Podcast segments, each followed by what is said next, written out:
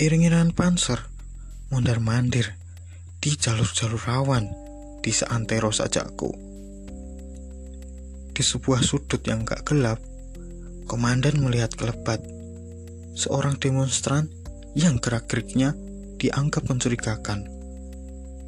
Pasukan disiagakan dan diperintahkan untuk memblokir setiap jalan. Semua mendadak panik. Kata-kata kocar kacir dan tiarap seketika.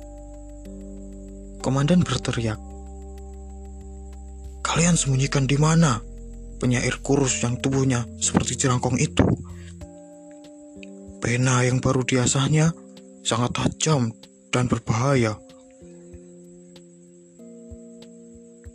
Seorang peronda memberanikan diri angkat bicara. Dia sakit perut, komandan. Lantas terpirit-pirit ke dalam kakus. Mungkin dia lagi bikin aksi di sana. Sialan, empat komandan yang geram sekali. Lalu memerintahkan pasukan untuk melanjutkan patroli. Di grup terakhir sajakku, si jerangkong itu tiba-tiba muncul dari dalam kakus sambil menepuk-nepuk perutnya.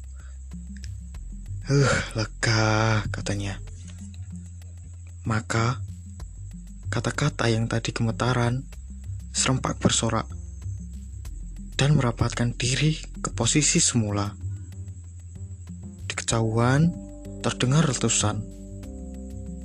Api sedang melahap dan menghanguskan mayat-mayat korban.